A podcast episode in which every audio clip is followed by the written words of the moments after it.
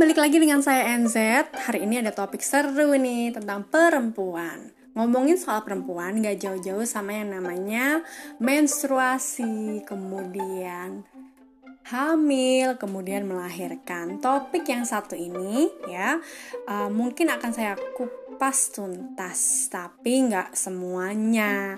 Nah, penasaran kan kayak gimana? Coba deh dengerin ini. Ada narasumber yang kece abis bisa membawa para pendengarnya ini masuk ke dalam ceritanya. Oke, selamat mendengarkan.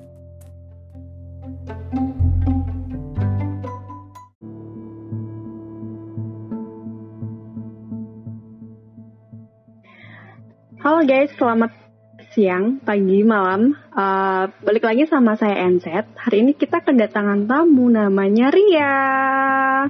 Di ujung Halo. sana ada Ria dan dia ini sekarang sedang menikmati peran baru sebagai seorang ibu. Wow, selamat Ria. Nah, topik hari ini uh, kita akan membahas tentang pengalaman ya, pengalaman mungkin bisa jadi kenangan buat Ria, mungkin juga bisa buat uh, ibu-ibu uh, yang sekarang sedang menanti HPL, hari perkiraan lahir atau yang sedang ingin membuat uh, program hamil, nah mungkin bisa dengerin ini. Tapi ini tanpa judging ya atau tanpa menghakimi. Oh, udah usia sekian tahun pernikahan masih belum hamil atau lain sebagainya. Oke. Okay. Sebelumnya saya pengen tanya-tanya dulu nih narasumber hari ini. Namanya siapa, asalnya mana, terus kenal dari MZ alias Rizky. Ini tuh dari mana? Oke. Okay. Halo Ria, perkenalkan diri ya. Uh, halo.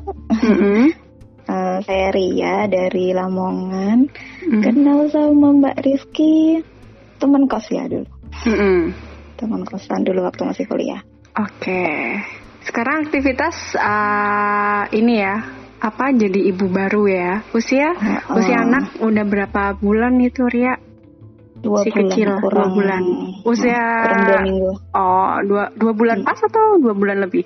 Masih masih kurang masih kurang. Berarti masih baru banget. Aku bahkan masih belum bisa jenguk ini ponakan lucuku, tapi aku udah sempat lihat fotonya. Oh, dan dia nggak sengaja ngirim nih ya.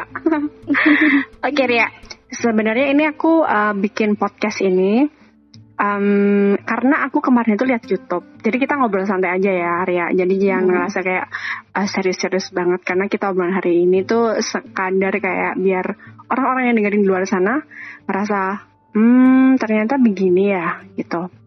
Jadi guys, uh, kalian harus tahu Ria ini, aku kenal sama Ria waktu kuliah, bener apa yang dibilang Ria tadi. Saya kenal sama Ria itu di waktu zaman kuliah di Unair.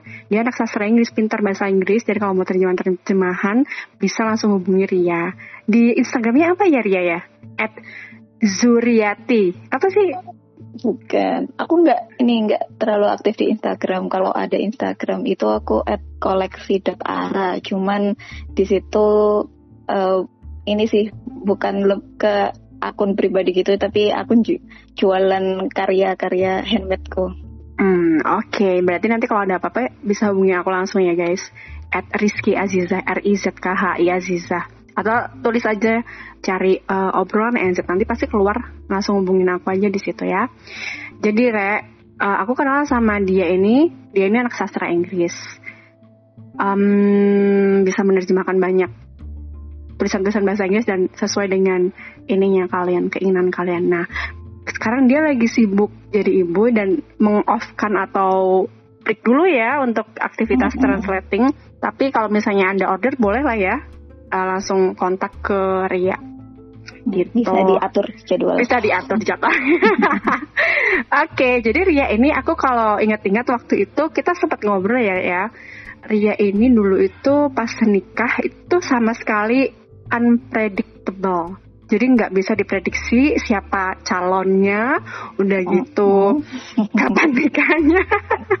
Boleh nggak sih aku ngomong terlalu hal yang sangat privasi gini? Hmm. Gak apa-apa kan ya ya? Gak apa. Ya jadi kalau kalian semua yang belum menikah, ini mungkin ada yang mendengarkan belum menikah, ini ada contoh nyata. Dia tidak pacaran terus. Kamu udah pernah pacaran belum sih ya selama seumur hidupmu? Um, deket sih pernah ya, deket ya, ya udah kasih ceritain itu hal yang mungkin masa lalu udah by move, move on move tidak on. pernah mengikrarkan jadian kayak gitu. Mm -hmm, mm -hmm, Oke, okay. intinya dia itu nggak pernah jadian atau apalah gitu.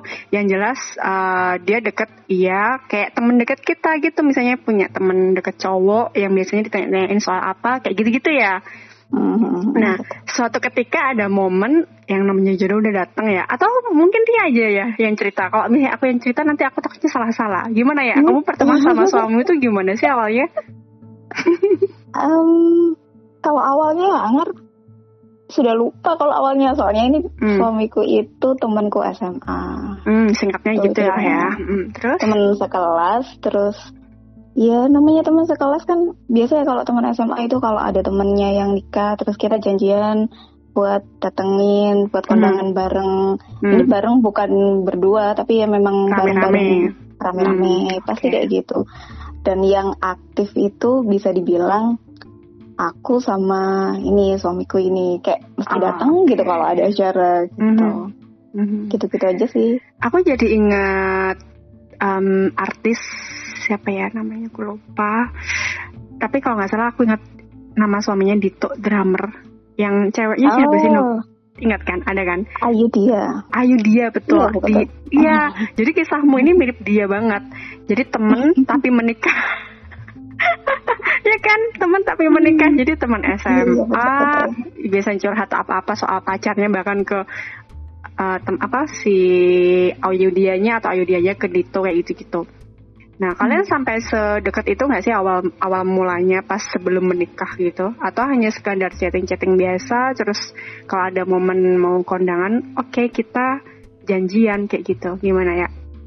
Hmm, kalau sebenarnya aku nggak tahu sih ceritanya yang ini yang Dito sama Ayu dia ini cuman kalau yang dari film itu kayaknya deket banget ya mm-hmm. nggak se nggak sedekat itu kalau aku sama suami mm. cuman tapi ada ada momen cerita ceritanya yang mm-hmm. curhat-curhat kerja atau apa kayak gitu tapi nggak yang deket banget bahkan mm. uh, sebelum tapi sebenarnya sudah menyatakan dulu hmm. suamiku sudah menyatakan kalau pengen serius sama aku cuman akunya yang belum ini kan mungkin belum siap nikah kali ya. Mm-hmm. Jadi uh, sempat nggak komunikasi gitu. Mm-hmm. Sempat nggak komunikasi terus habis itu tiba-tiba temanku nikah, temanku yang deket teman dekatku itu juga teman dekatnya dia gitu mm-hmm. nikah. Jadi kita ketemu lagi di situ. Oh, okay. Terus mulai chat lagi. Hmm, chatting ya. Jadi kalian ini ya. uh, apa interaksinya lewat chatting ya? Oke, jadi ya ini salah satu bentuk usahanya menjemput jodoh kan nggak tahu ya. Yang jelas okay. selama masih di jalur yang bener, nggak yang di luar itu ya it's okay.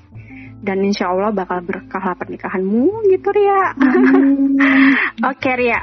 Terus pada akhirnya pas kamu nikah kalau nggak salah bulan Agustus ya tahun lalu ya ya? Bulan Oktober. Oh Oktober. Seharusnya seharusnya Agustus terus karena barengan ada barengan sama saudara jadi akhirnya kita mundur Oktober. Oke, okay.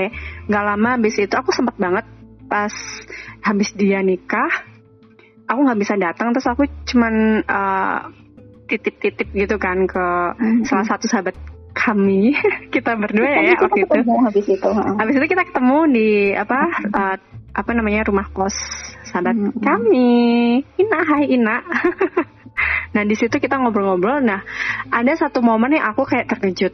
Ternyata si Ria ini sebenarnya mengalami kayak ketakutan. Bener gak sih ya waktu itu kamu pernah cerita aku tuh takut mbak kalau habis nikah terus aku itu nggak bisa hamil. Aku sumpah itu kayak pernyataan oh, iya. yang singkat tapi itu membekas di otakku dan nggak lama dari itu kabar berapa bulan kemudian dia hamil dong nah ini aku pengen tahu nih gimana gimana awal mulanya kamu tiba-tiba akhirnya kamu hamil dan uh, gimana perasaan kamu waktu itu? Terus itu uh, tahu hamil itu siap pernikahan berapa bulan?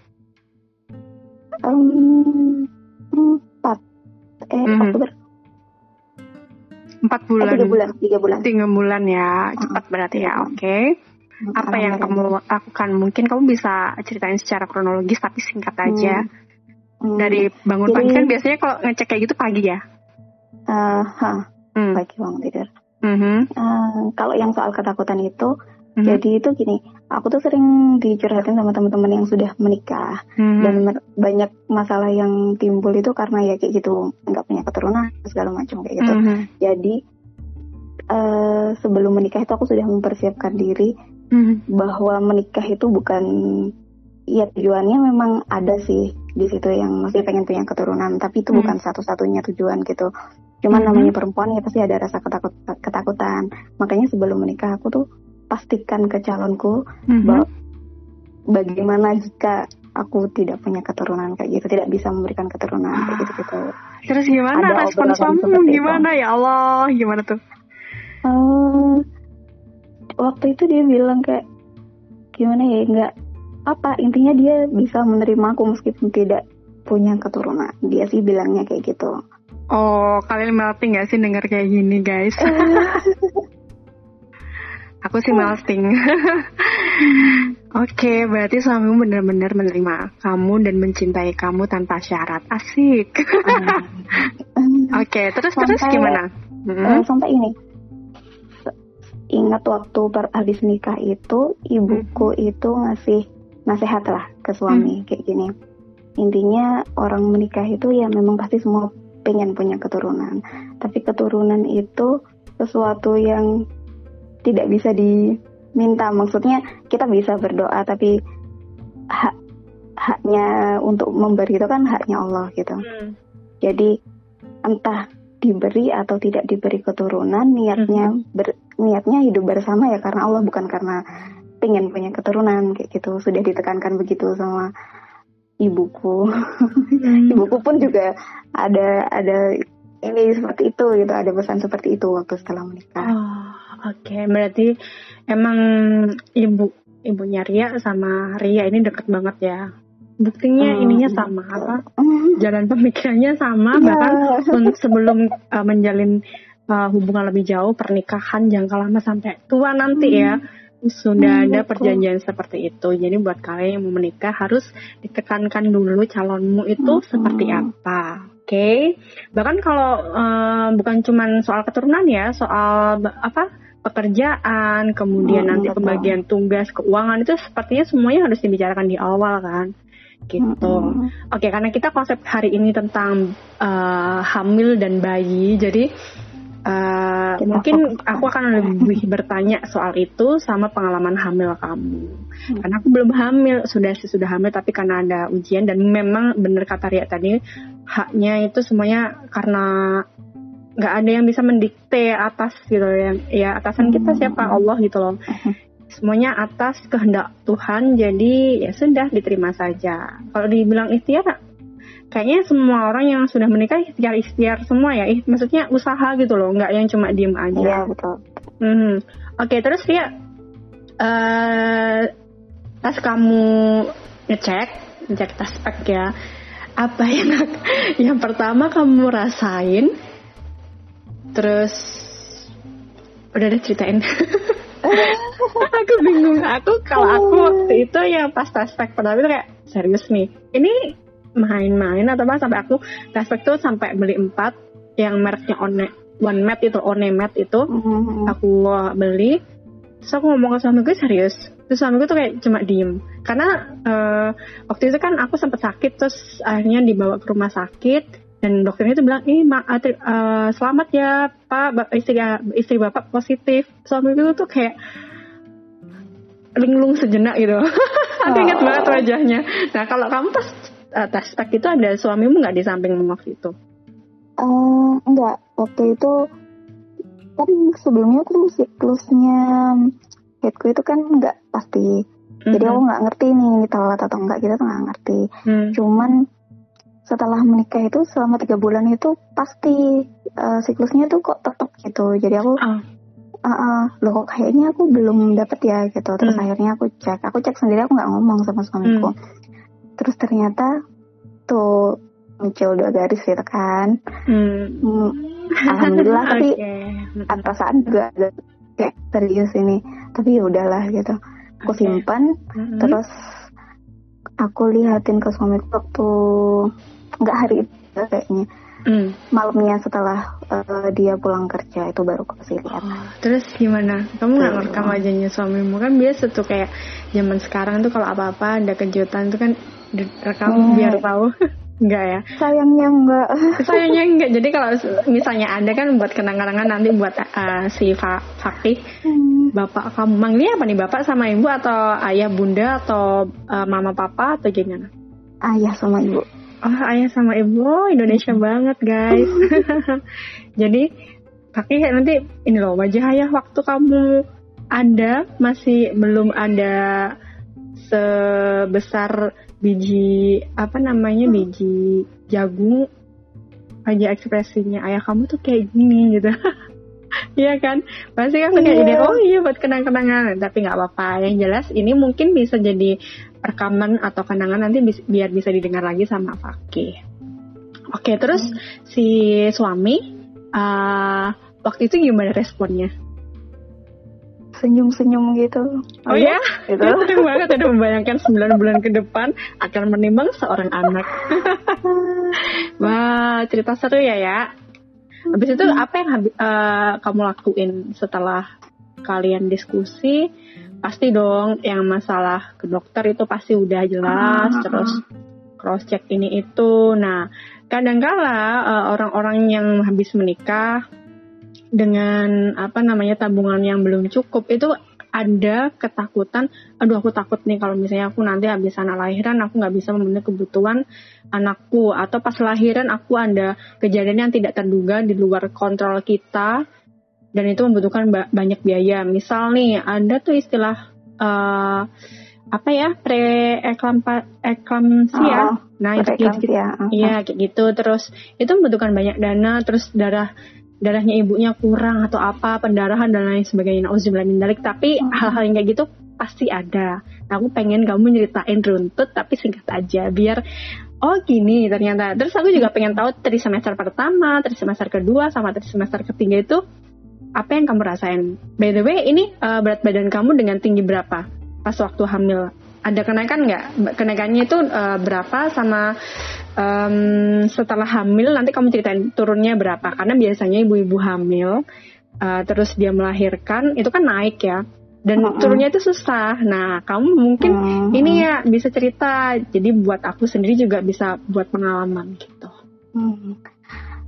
Um, kalau aku sebenarnya dari awal hamil, alhamdulillah nggak ada ini sih tidak ada drama. Mm-hmm. Cuma uh, biasanya kan ibu-ibu baru hamil itu kan kayak mual-mual kayak gitu. Mm. Aku juga mual kalau misalnya bau-bauan masakan kayak gitu. Mm. Cuman kalau aku menghindari itu berarti nggak nggak bakal mual gitu. Hmm, aku biasanya makan cuma yang sayur-sayur yang direbus-rebus kayak yang pakai MSG, MSG, MSG kayak gitu-gitu aku nggak bisa fast food juga nggak bisa cuman aku udah nggak sama sekali nggak menyentuh itu jadi aku nggak merasa mual cuman tahu di awal-awal itu kalau oh berarti aku nggak bisa makan ini ya udah aku hindari jadi alhamdulillah tiga bulan pertama lancar mm-hmm. tiga bulan kedua menanti kapan bisa gerak-gerak bayi di perut alhamdulillah oh, lancar gitu ya dilihat uh, kerasa mm-hmm. kan kerasa kerasa langsung kan mm-hmm. dia nendang-nendang kayak gitu mm-hmm. terus pas tiga bulan pertama itu awalnya aku ditanya sama temanku mm-hmm. ini sudah gerak-gerak kan kayak gitu mm. terus aku pikir emang tiga bulan pertama sudah bisa gerak tambah oh aku kira sudah lima bulan kayak gitu Pad padahal aku sudah deg-degan loh aku kok belum ngerasain gerak-gerak jangan-jangan oh, gitu. ini nggak gerak kayak gitu ternyata dia yang salah dia pikir aku sudah lima bulan oh, gitu oke okay. terus cuman ini uh, awal-awal kehamilan itu kan lagi musim kayak gini corona ini kan. Mm-hmm. Ah iya ini cerita yang uh, sangat aduh. Jadi mm-hmm. di Terus? puskesmas itu di tempatku ini nggak ngerti mm-hmm. aku kebijakannya di tempat lain seperti apa. Kalau di mm-hmm. tempatku itu ibu hamil yang usia kehamilannya di bawah tujuh bulan tidak bisa periksa. Oh, kayak gitu. Demi Jadi apa? yang tujuh bulan, ha, yang tujuh bulan ke atas baru bisa periksa. Oh gitu. Nah, jadi aku nggak ke puskesmas sama sekali, harus hmm. periksa ke klinik sendiri, uh, ke dokter praktek sendiri kayak gitu. Mm-hmm. Dan alhamdulillah, ya alhamdulillah bisa kayak gitu bisa ke dokter. yang menegangkan itu adalah bulan terakhir sebelum lahiran. Hmm. Jadi itu aku kan selama ini nggak pernah ngerasa mual-mual yang muntah-muntah itu. Mhm. Waktu tes darah itu dibilang HB ku rendah. Hmm. Terus dibilang kebetulan aku periksa ke temanku kan. Terus temanku bilang makan ini mbak apa makan yang hijau-hijau terus buahan oren-oren itu apa Mhm. kayak pepaya jeruk pokoknya yang banyak. Terus kalau mau kurma kayak gitu. Aku kan nggak terlalu suka yang manis-manis kurma Hmm. itu. Cuman ya untuk mengusahakan kan. Jadi akhirnya kurma aku blender sama susu jadi susu kurma kayak gitu Mhm. Pas waktu itu hari Senin malam itu aku ngabisin susu kurma yang udah aku bikin udah aku bikin sebelumnya sore itu Mhm. aku habisin sebelum sebelum tidur habis itu aku mau sholat kan sholat terus tidur gitu Hmm. eh ternyata waktu sholat itu kepalaku pusing Hmm. loh ini gimana nih kayak aku masa dua rakaat mau sholat sama berdiri dua rakaat sama duduk gitu pikirku Mhm. cuman nggak gak aku kuat gitu kuat Hmm. eh, terus alhamdulillah kuat beneran. Akhirnya aku tidur. Mhm. aku bikin tidur ternyata aku muntah. Muntah kan Oh. masih bisa lari ke kamar mandi gitu. Ha- bahkan habis muntah aku bisa bersihin itu bekas Hmm. muntah aku udah bisa aku bersihin.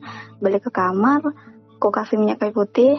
Terus aku buat ini apa tiduran. Rasanya tuh rumah itu kayak muter-muter-muter kayak Oh gitu. terus muntah lagi hebat banyak sekali. Sampai sudah nggak kuat ibuku di luar tuh sampai loh itu Di dalam rumah kenapa gitu? Oh. Ah, itu sebenarnya berarti kamu ya, gitu. sendirian gitu ya? Oh. aku di kamar sendirian di luar Oke. ada ibuku sama mbakku kan Oke. sebelumnya aku sebelum sholat itu kita bisa ngobrol Hmm.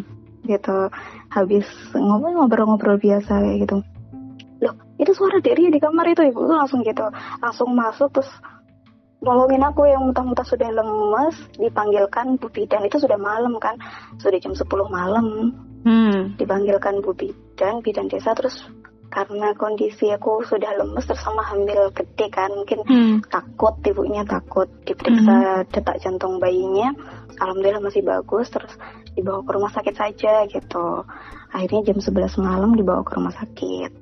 Dibawa ke rumah sakit terus eh masih belum bisa buka mata. Aku masih rasanya masih muter-muter Mhm. diinfus terus langsung opname kan. Hari itu Mhm. juga opname subuh itu sudah baikan aku pikir aku memang masuk rumah sakit ya karena lemes karena habis muntah-muntah gitu aja besok paginya Mhm. pulang gitu kan. Aku pikir gitu. Ternyata besok paginya waktu dokter visite itu bilang ini anemi dok. Disuruh transfusi. Astaga. Gitu ya. Aduh. Iya. Terus terus terus. Habis itu? terus udah habis itu udah transfusi satu kantong gitu ya Mhm. besoknya aku pikir aku pulang gitu memang aku sudah nggak pusing nggak mual sama sekali nggak dari Mhm. yang hari pertama subuh itu sudah nggak gitu ternyata besok lagi dokternya visitnya lagi dicek darahku dicek lagi HB ku tuh turun dari yang aku masuk yang aku masuk itu 9 Mhm. terus habis ditransfusi malah jadi 8 Loh, kok Tapi aneh ya? jadi turun kan makanya dokternya bilang Oh. kok aneh ya udah tambah lagi dua kantong gitu Mhm. itu sudah deg-degan lagi Oh. tambah lagi dua kantong gitu Mhm. udah ditambah lagi terus habis itu ini aku sudah deg-degan jangan-jangan aku nanti langsung disuruh ngelahirin aja kayak gitu Mhm. soalnya usia kehamilanku itu sudah 37 minggu maksudnya sudah sudah Boleh lah ya. ah, sudah Mhm. boleh kalau misalnya harus di SC gitu Persalinan, oke. Mm-mm. Mhm. jadi waktu dibilang nanti dokternya datang mau ngecek mau di USG gitu Mhm. aku deg-degannya minta ampun takut belum siap belum siap lahiran jadi aku takut kalau jangan-jangan nanti kayak langsung ya udah mbak dilahirin aja kayak gitu dilahirin sekarang Hmm, aja gitu ada hmm. perasaan kayak gitu Mhm. takut deg-degan alhamdulillah dokternya bilang oh bagus masih bagus semuanya waktu itu hari Jumat dokternya Hmm. bilang nanti seminggu lagi kontrol gitu oh berarti saya boleh pulang dok gitu iya nanti setelah darahnya sudah masuk semua waktu itu darahnya masih satu kantong Mhm. gitu. Terus udah Oke. sore hari darahnya sudah masuk semua, diperiksa detak jantung bayinya. Ini info sudah lepas, sudah lepas semuanya. Mhm. Diperiksa detak jantung bayinya, terus bilang gini, detak jantungnya melemah gitu. Aduh, makin deg-degan lagi. Ini langsung pasang oksigen gitu. Jadi aku langsung dipasang oksigen disuruh miring ke kiri gitu. Nanti diperiksa lagi. Jadi tiap 10 menit diperiksa 10 menit diperiksa detak jantung bayinya alhamdulillah 10 menit selanjutnya 10 menit selanjutnya itu normal lagi. Alhamdulillah. Itu aku sudah kenapa ya? Kok bisa melemah karena dokter eh, maksudnya jantung melemahnya si Fakin waktu masih di dalam perut itu mungkin disebabkan karena kamu kepikiran ming- eh, ini kan cerita ya. Kalau misalnya didengerin sama ibu-ibu di luar sana atau perempuan-perempuan yang nanti mempersiapkan kehamilan atau yang belum menikah pun kan jadi tahu. Ternyata eh, ngatur pikiran tuh penting banget atau apa. Mungkin kamu bisa menemukan caranya atau hanya berbagi gimana caranya. Eh, kalau sebenarnya yang detak jantung melemah itu aku nggak sempat nanya karena memang sudah deg-degan sendiri kan takut Mhm. takut tiba-tiba disuruh per- persalinan tadi ya. belum siap Maaf, Oke. aku belum siap kayak gitu Mhm. terus sudah membaik sudah membaik jadi oh ya sudah alhamdulillah alhamdulillah sudah cuman itu aja yang kepikiran di aku sudah nggak kepikiran Yang prioritas itu dulu lah yang paling kenapa, penting ya. Oke. heeh. jadi kenapa kenapa kayak gitu Oke, baik, baik, baik, baik. Tapi eh, pada akhirnya setelah hari yang agak menegangkan itu, bukan agak sih, ini, ini kalau aku di posisi Ria juga pasti akan melakukan hal yang sama dan kepikiran hal yang sama. Aduh, gimana nih anakku, bla bla bla gitu kan. Nah, setelah hari itu kamu eh, sampai berapa minggu menunggu persalinannya yang akhirnya Fakin ini lahiran sesar atau normal? Ria, Eh, alhamdulillah normal jadi normal hari ya. Jumat eh, hari Jumat itu aku pulang dari opname kan Mhm. Ternyata sama ini sama dokternya itu diubah nggak nggak satu minggu kontrolnya tapi hari Seninnya aku harus kontrol gitu Mhm. jadi cuma selang beberapa hari kan hari Senin aku harus kontrol kontrolnya itu sore jam 3 sore ternyata Senin subuh itu ketubanku sudah pecah Mhm. gitu. Jadi, jadi aku kehamilan berapa minggu itu? 38 38 minggu depannya ya. Oh minggu jadi dan depannya Oke oke. Dan itu tuh kan aku posisi di rumah sakit itu yang opname awal itu kan suamiku nggak ada Aha. aku ngabarin suamiku gini "Eh, si dedek lagi simulasi ini simulasi apa simulasi pergi ke rumah sakit tahu ya Bisa aja nih contoh yang baik menenangkan menenangkan hati suami. Waktu itu suami di Surabaya ya. iya Surabaya kamu lagi di Lamongan. Jadi ya supaya nggak bikin tambah suasana uh, panik ya merendamnya kayak gitu. Lucu juga sih kalau dikenang-kenang ya. dan Diingat-ingat. ternyata seninnya bener-bener ke rumah sakit buat Eh. lahiran Terus itu itu pas waktu hari H kamu sudah mempersiapkan belum lahir batin maksudnya pulang dari rumah sakit yang karena kejadian Oh, uh, anemia itu tadi transfusi darah kamu kepikiran nggak om mungkin minggu depan aku melahirkan. Ada kepikiran ke sana nggak? Terus ya udah aku mempersiapkan lahir batinku. Aku harus kuat fisiknya aku harus uh, mentalku harus nggak takut takut gimana gitu.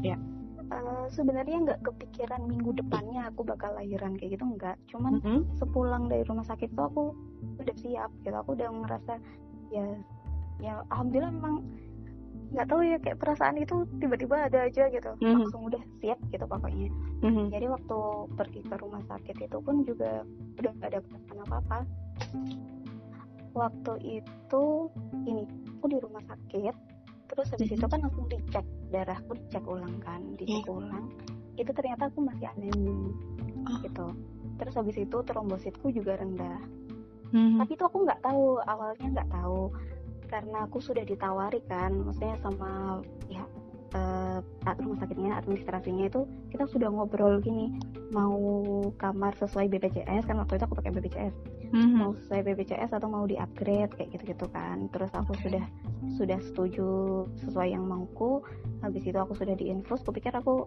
tinggal nunggu masuk kamar gitu kupikir Itu jam berapa Ternyata- pas masuk rumah sakit? Ingat nggak jam jamnya?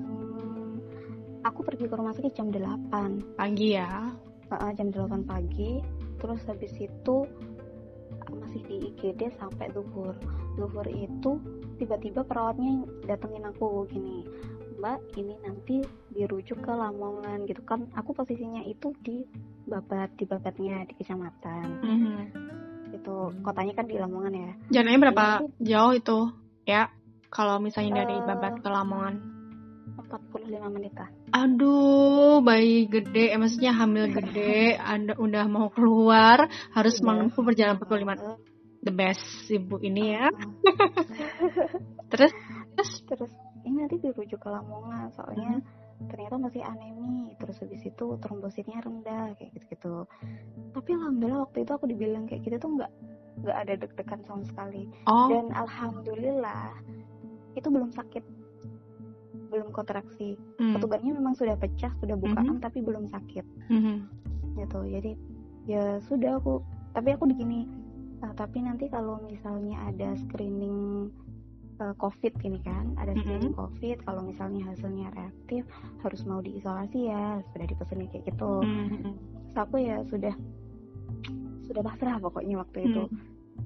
tapi memang bener-bener siap alhamdulillah siap mentalnya gitu mhm. iya nggak apa-apa gitu saya jauh iya nggak apa-apa gitu terus ya sudah akhirnya dibawa ke Lamongan habis duhur itu nyampe Oh. ke Lamongan jam 2 dan ini gini eh, aku tuh ngabarin suamiku waktu berangkat kan jam 8 Mhm. jam 8 pagi ngabarin kalau aku udah ke rumah sakit kayak gitu Yang ada di Babat tadi kan? ya. Mhm, Eh, dia di Surabaya nah mhm. terus habis itu di ini waktu nyampe di Lamongan dia juga, juga belum pulang-pulang gitu loh kok belum nyampe-nyampe juga gitu aku Mhm. pikir nunggu pulang kerja kali ya Mhm. apa maksudnya nggak bisa izin pulang gitu nggak bisa izin Hmm. pulang ya sudah sudah nggak mikirin ke situ juga terus alhamdulillah juga selama perjalanan ke Lamongan 45 menit itu aku juga masih belum sakit Mhm.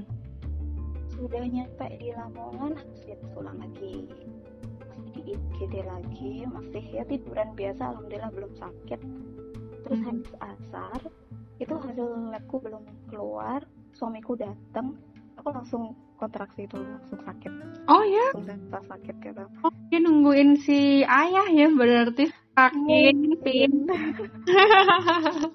sampai aku ini jadi langsung habis asar itu alhamdulillah terus aku lahiran jam 16.50 Enggak pakai lama. Oh my. Masya alhamdulillah cepet Allah. banget itu Aku merinding. merinding. Terus terus. Itu- em, itu padahal hmm, terus habis lahiran pokoknya sudah sudah bayinya udah dibawa ke ruang bayi mhm. hasil labku keluar dan semuanya normal Alhamdulillah.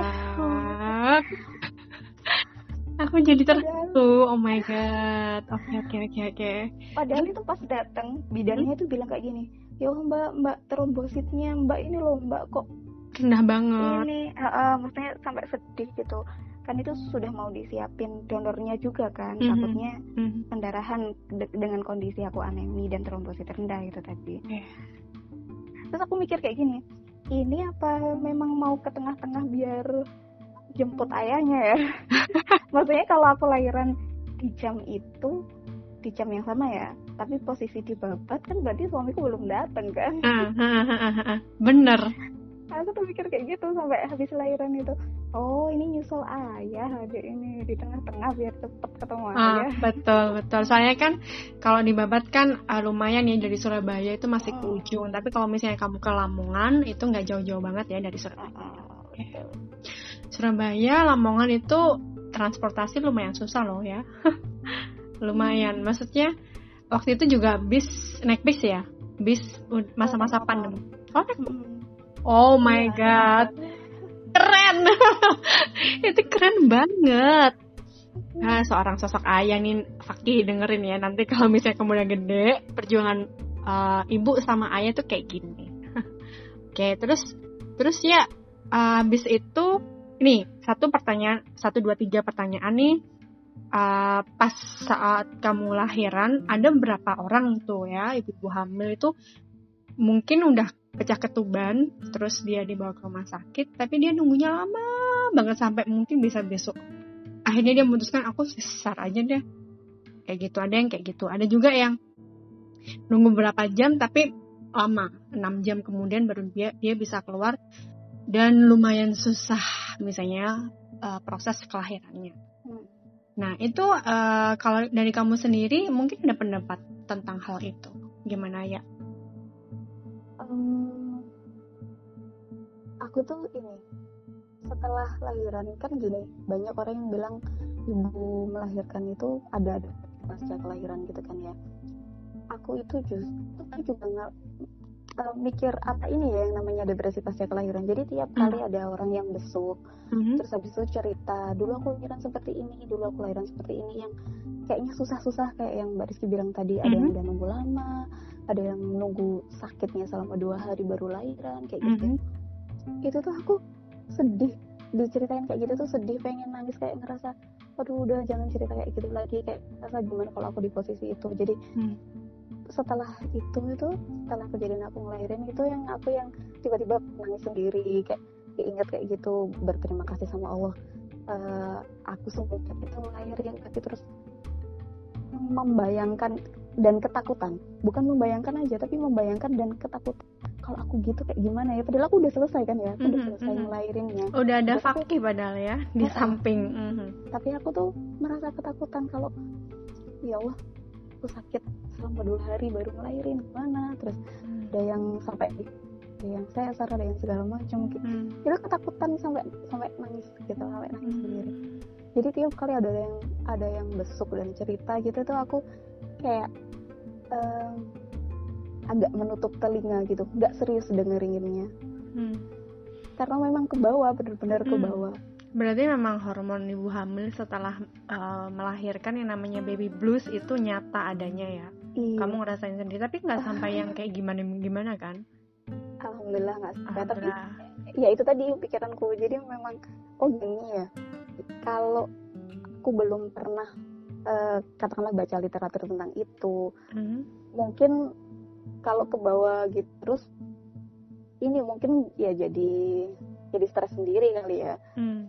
karena sudah pernah diceritain orang yang baby blues kayak gitu-gitu kan Hmm. akhirnya ya itu tadi cara aku ya. adalah dengan tidak tidak mendengarkannya secara Hmm. serius gitu Oke oke. oke. dan ti- nggak nanya lagi kadang orang Oh. tuh kalau diceritain kan nanya kan "Ya, terus gimana kayak gitu nggak Tambah terus tidak cerita, tambah- mengorek-ngorek Ah. Oke.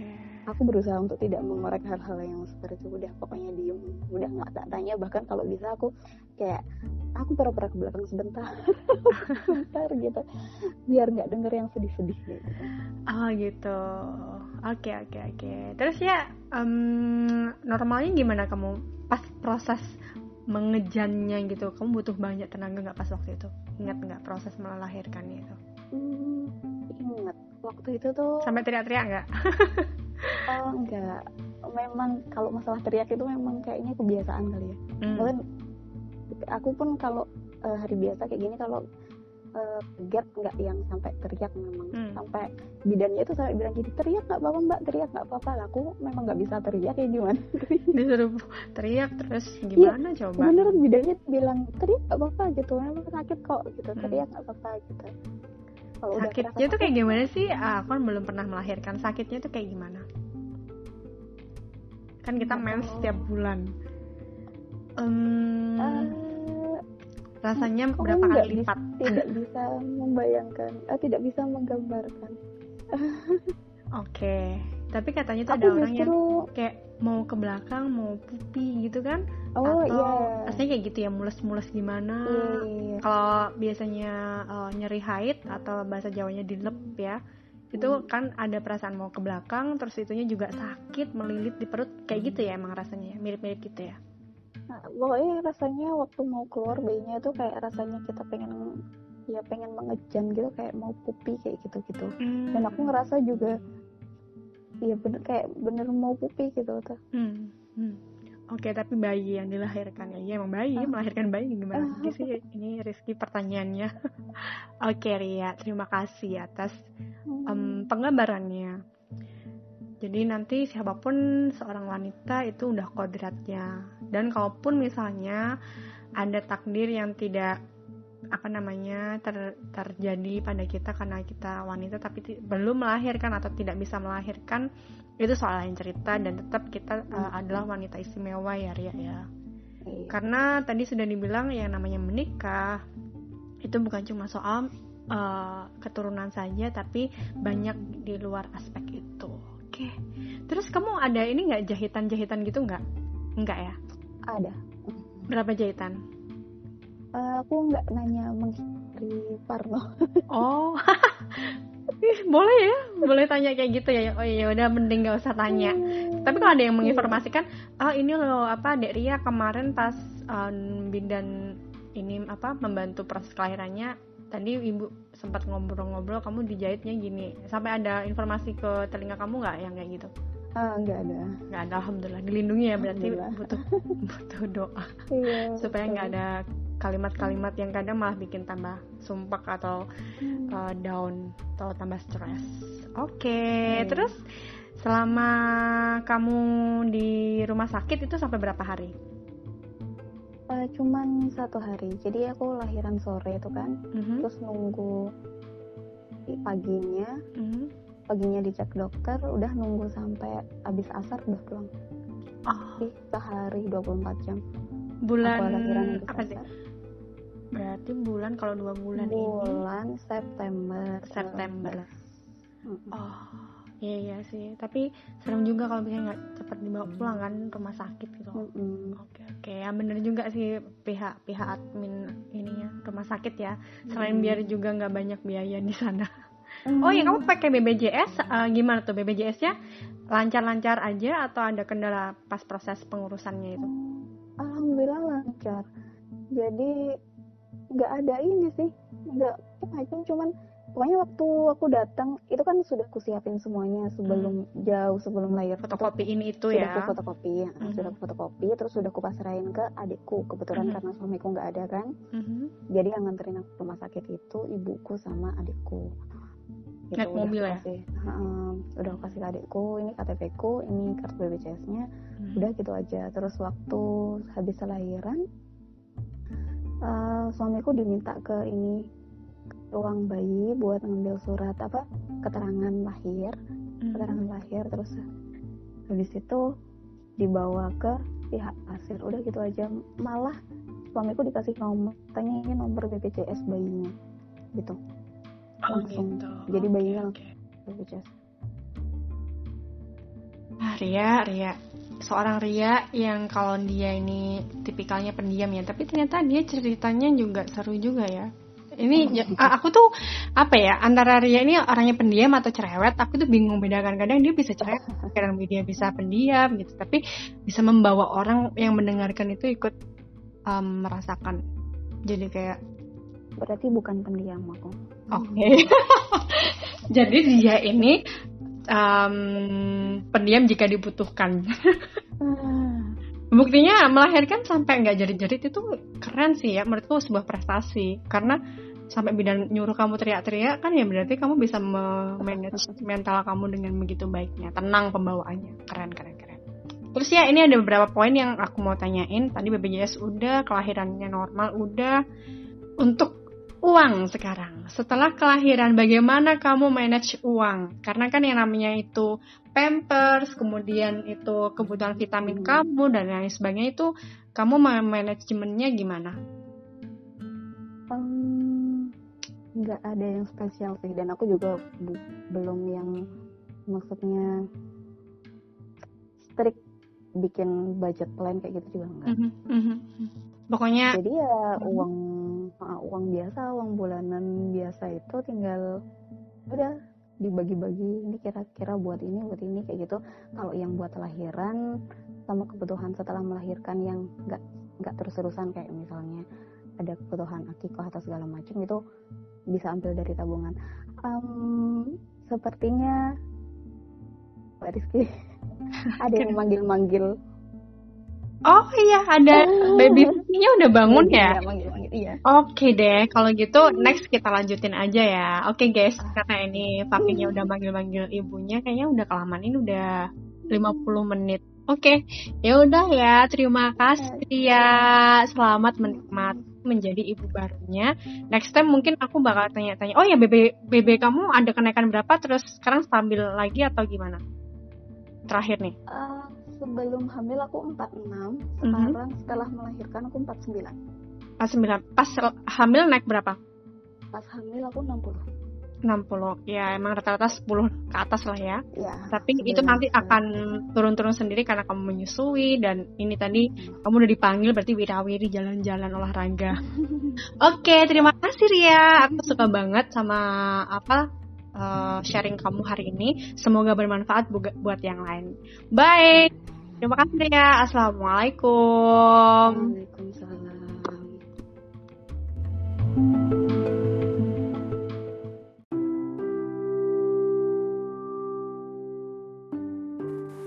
Seru banget kan ceritanya.